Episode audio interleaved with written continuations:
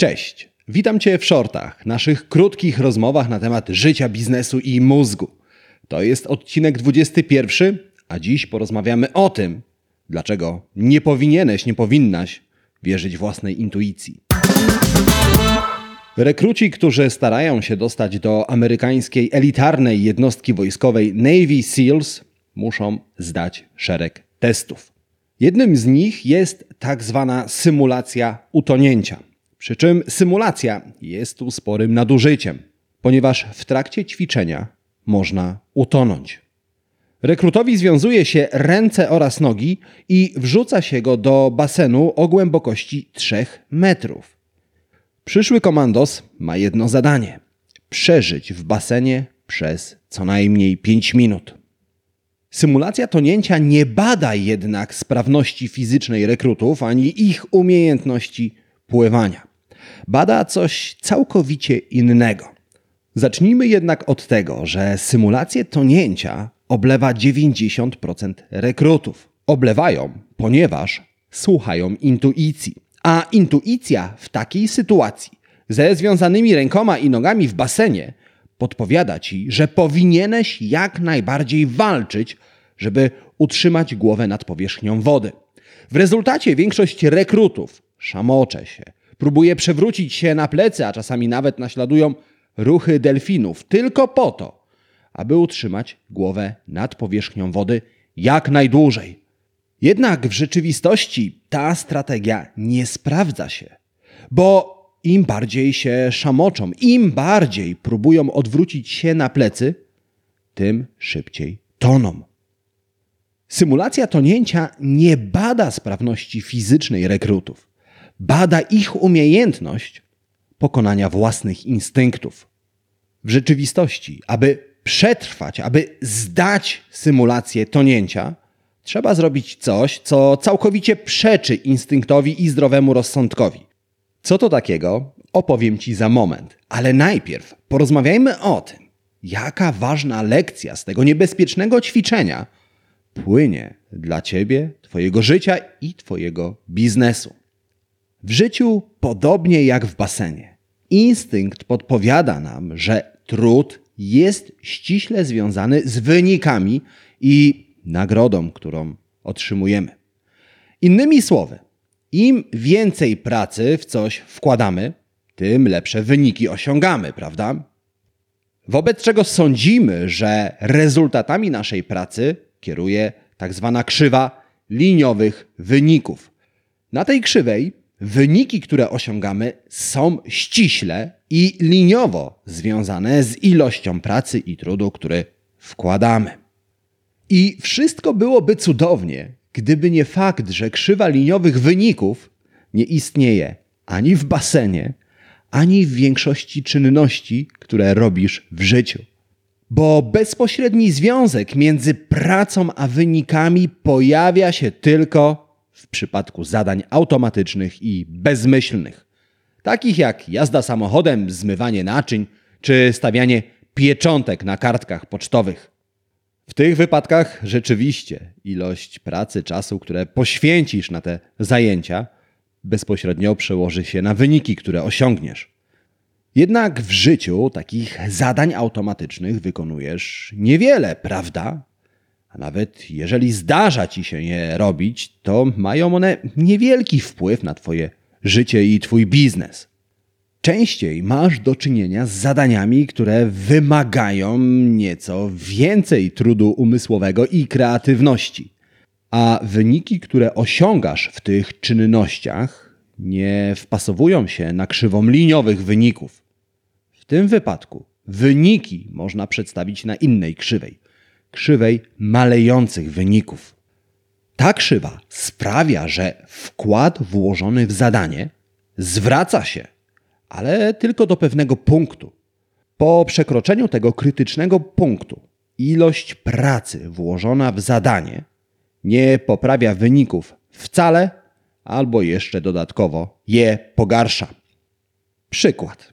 Wyobraź sobie księgarnię, w której pracuje tylko jeden sprzedawca. Ilość pracy w tej księgarni znacznie go przerasta. Wobec czego właściciel zatrudnia trzech dodatkowych sprzedawców.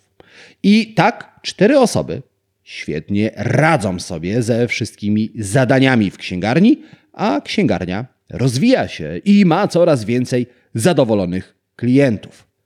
Wobec czego właściciel, podążając za instynktem, zatrudnia kolejnych trzech sprzedawców, aby interes kręcił się jeszcze lepiej. Ale szybko okazuje się, że instynkt go okłamał. Siedmiu sprzedawców w księgarni wywołuje chaos. Zaczynają na siebie wpadać, trudno nad nimi zapanować, mylą zamówienia, a w rezultacie księgarnia zamiast zdobywać klientów, zaczyna ich tracić.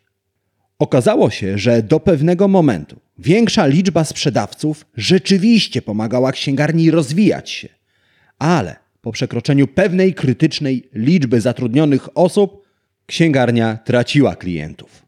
To właśnie prawo malejących wyników w biznesie. Ale ta krzywa pojawia się również w pracy i w życiu. Na przykład, jeżeli jutro rano będziesz chciał, będziesz chciała dużo zrobić, możesz uznać, tak przynajmniej podpowie ci intuicja, że trzeba wcześniej wstać i jak najwięcej pracować. Prawda jest jednak taka, że wszyscy pracujemy produktywnie maksymalnie przez 5 godzin. A więc po 5 godzinach intensywnej pracy okaże się, że trudno ci się skupić, popełniasz więcej błędów i choć wkładasz w pracę więcej czasu, w rzeczywistości robisz mniej. A więc w tym wypadku krytycznym punktem, po przekroczeniu którego radzisz sobie gorzej, jest 5 godzin pracy.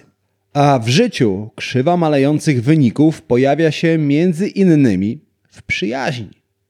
Posiadanie przyjaciela albo przyjaciółki jest oczywiście kluczowe dla Twojego zdrowia psychicznego i szczęścia. Posiadanie dwóch zaufanych przyjaciół jest oczywiście lepsze od jednego przyjaciela.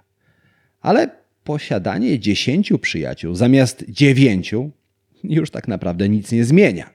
A jeżeli chcesz mieć trzydziestu zaufanych, bliskich przyjaciół, to lepiej, żebyś miał, miała dobrą pamięć, aby spamiętać wszystkie ich sekrety, plotki, a być może nawet imiona.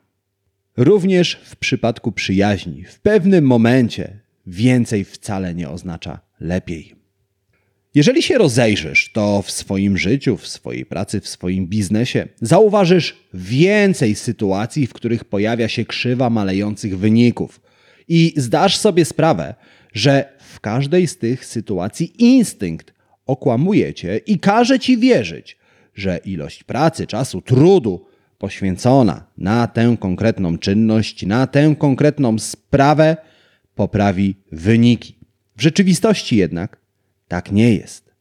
I to jest ta jedna myśl, z którą chcecie dziś zostawić. Przemyśl to. A jeżeli nadal tu jesteś, to najprawdopodobniej chcesz się dowiedzieć, w jaki sposób przetrwać symulację tonięcia. Już ci tłumaczę. Ale najpierw jedna ważna rzecz. Jeżeli to, co przed chwilą usłyszałeś, usłyszałaś, spodobało Ci się, to koniecznie zapisz się do mojego newslettera. W newsletterze znajdziesz więcej inspirujących historii i ciekawych, przydatnych marketingowych rad, które pomogą Ci zmienić przypadkowego konsumenta w płacącego klienta. Link do zapisu do newslettera znajdziesz oczywiście w opisie tego odcinka podcastu. A oto jak najlepsi komandosi Navy SEALs pokonują własny instynkt. Cała tajemnica polega na tym, żeby przestać wkładać w to tyle pracy i trudu.